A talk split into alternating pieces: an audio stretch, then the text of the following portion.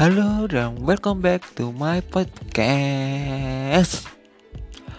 Kali ini gue bakalan menganalisa pertandingan di hari kedua MSI yaitu pertandingan antara Detonation Focus Me melawan Cloud9.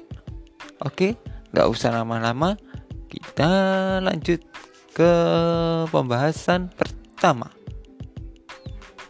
yaitu ban dan pick pace. DFM sendiri melakukan ban yang bisa dibilang sama seperti pas pertandingan Diamond Kia versus Cloud9. Tiga ban pertama mereka yaitu Trash, Lisin, dan Sena. Dilanjut kemudian dengan memban Tamkens dan TF. Di kubu Cloud9, mereka melakukan ban ke Set, Rel, Renekton, Morgana, dan juga Rumble. Ini kalau dilihat dari ban dari Cloud9, ini mereka sepertinya mewaspadai, mewaspadai meta sekarang, yaitu jungler seperti Rumble dan Morgana yang begitu kuat dan akan menyulitkan Cloud9 jika di FM sampai-sampai mendapatkan salah satunya. Kemudian di FM melakukan pick top mereka isi dengan benar yang akan dimainkan oleh Evi, jungler Udir yang sedang strong meta, mid lane Zui, AD Kaisa dan support Alistar. Sedangkan Cloud9 melakukan Joyce untuk Fuchs di top laner. Bleber akan memainkan Nidali, Perks dengan Oriana, ADC Varus yang dimainkan oleh Sven dan support Leona.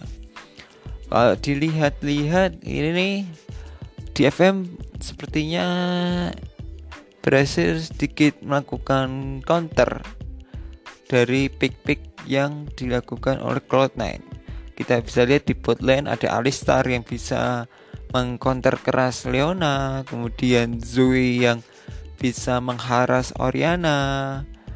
Namun ya ini semua masih abu-abu, soalnya belum tentu apa mereka atau kedua tim bisa mengeksekusi draft mereka dengan baik. Oke, sekarang kita masuk ke in game gameplay. Ini sepertinya di FM meniru atau melakukan hal yang sama dengan Demon Kia saat di pertandingan membuka. Mereka bermain agresif di setiap lini untuk menekan Cloud9 dari awal. Nah, ini sepertinya Cloud9 sendiri itu tidak bisa melakukan banyak hal atau improvisasi setelah pertandingan pertama mereka.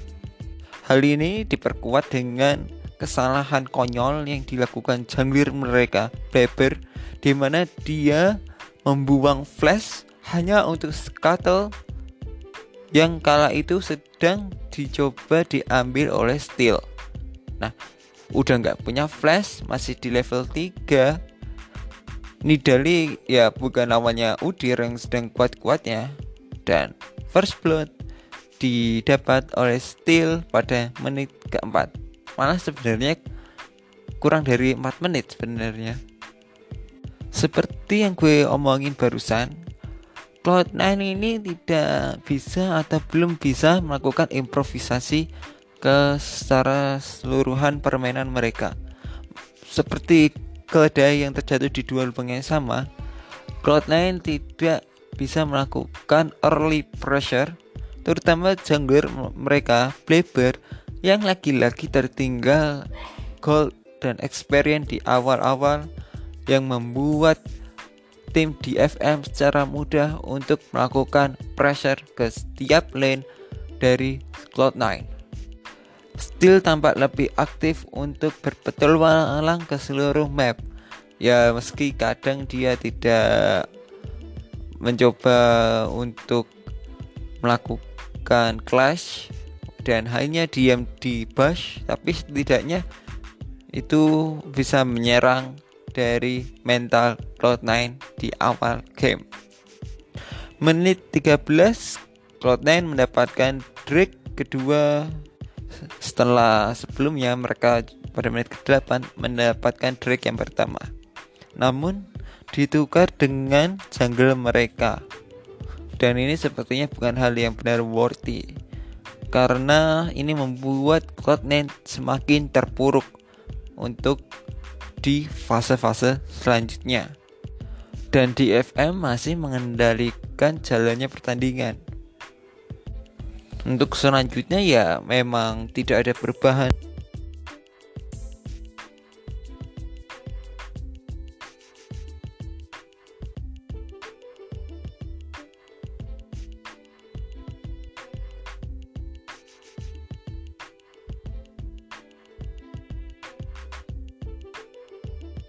mendapatkan gold sebanyak-banyaknya dan begitulah. Menit ke-24 barulah terjadi crash yang besar di dekat atau di depan drag pit. DFM berhasil mendapatkan tiga pemain Cloud9 dengan cepat, sedang Cloud9 hanya mendapatkan EV. Namun ini dikarenakan di FM yang terlalu koki atau terlalu bernafsu dan tidak mengindahkan adanya Fuchs dengan chase-nya yang sudah ada Eclipse.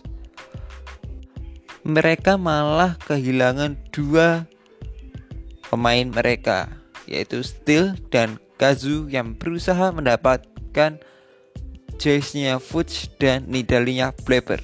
Ditambah ini dari Yutapon yang sudah low HP malah ikut-ikutan untuk mencoba mendapatkan kedua pemain Cloud9 tersebut. Dan hasilnya malah Yutapon lah yang terbunuh oleh Nidali. Dan meski begitu Arya berhasil mengsecure kill dari Chase. Cloud9 pun berhasil mengamankan Mountain Drake. Dan langsung melakukan reset ini karena dari kubu DFM mulai ada yang mendekati Drake Pit. Menit 28 DFM melakukan strike push mid lane yang mana kala itu memang tidak dijaga oleh siapa pun di second mid turretnya. Menyadari hal tersebut, dua botline Cloud9 yaitu Sven dan Vulcan berusaha untuk menunda kehancuran turret mereka. Namun, mereka tidak sadar bahwa di situ ada udirnya Steel yang berani melakukan dive engage. FM pun berhasil mengamankan dua kill dengan tambahan turret di mid lane. Mereka langsung menuju Baron Pit untuk mendapatkan buff Baron Nashor. Dan ya, mereka berhasil mengamankannya karena apa? Karena junglernya Cloudnya sendiri, si Blaber itu terlalu sibuk farming di bawah. Di, tepatnya di Camp Blue ya. Ini sungguh-sungguh sebuah hal yang akan tambah memberatkan Cloud9. Mereka benar-benar kehilangan terlalu banyak objektif dan ketika melakukan clash atau trading objektif mereka lah yang selalu dirugikan. Momen selanjutnya menyadari Cloud9 ingin mengambil Mountain Soul yaitu di DG keempat. DFM bergerak cepat memburu para pemain Cloud9 diawali dengan steel yang fresh dan berhasil mengstun perks. Dilanjut dengan kom combo headbutt pulverize sorry pulverize dari Alistar itu berhasil mengacak-ngacak dari formasinya Cloud9 ya meski kemudian Kazu dengan Alistarnya mati tapi di sini Cloud9 tetap di posisi yang tertekan karena in mereka di poking sangat keras oleh Zoe-nya Arya dan Yutapon dengan kaisanya berhasil melakukan positioning yang sangat-sangat bagus dan tidak terdetek oleh Cloud9. Barks tumbang di awal tanpa mencoba mengeluarkan shock wave-nya. Itu padahal setelah dia di stone sebenarnya dia itu sudah langsung bisa ngeflash dan dia ada momen untuk melakukan shock wave yang bisa bisa jadi mendapatkan beberapa pemain dari DFM namun dia memutuskan untuk menghold shockwave-nya dan itu malah menjadi bencana besar bagi dirinya dan juga Cloud9. Dilanjut dengan Vulkan yang berusaha untuk mengulur-ngulur waktu agar teman-temannya bisa lari. Namun, Evi yang berhasil menjadi mega kenar mendapatkan tiga pemain Cloud9 sisanya dan Arya dengan Zoe-nya menyapu atau mengclean up sisa-sisa pemain Cloud9. DFM langsung memilih ke mid dan melakukan push untuk mengakhiri pertandingan. 31 menit pertandingan jalan, DFM keluar sebagai pemenang. Aduh, Cloud9, Cloud9 ini tim benar-benar kayaknya benar-benar dalam masalah besar ini. Jika mereka tidak bisa melakukan improvisasi akan kesalahan yang sama seperti yang dilakukan pada dua game awal ini, gue rasa mereka akan yang terpulangkan lebih cepat.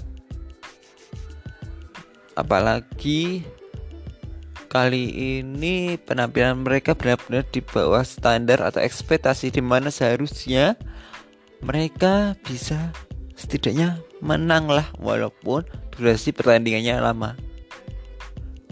Dan sepertinya Bleber masih kena mental ini. Dia kayaknya masih nervous atau masih sedikit trauma dengan kekalahannya di pertandingan awal yang begitu telak atas Kenyan dan dia melakukan kesalahan konyol di awal-awal pertandingan nggak hanya Breber kalau dilihat juga penampilan Perks juga payah sangat. Sebagai yang lebih berpengalaman dia malah dibuat main-main oleh Arya dengan Zoe-nya. Itu benar-benar Oriana itu jarang banget mengeluarkan shockwave. Malah kalau gue lihat tidak pernah melakukan shockwave yang di mana sangat dibutuhkan seperti di kelas sebelum DFM meng-end pertandingan itu seharusnya dia bisa melakukan shockwave atau melakukan shockwave aduh, aduh ya ya. Mungkin gara-gara ini predik gue pecah deh. Dan uniknya predik gue selalu pecah di pertandingan ketiga. Dan itu melibatkan DFM oke? okay? Sampai di sini dulu dari analisa kecil gue. Tetap stay tune di podcast gue bila lo pengen tahu mengenai analisa kecil-kecilan di pertandingan MSI MSI 2021. Bye bye.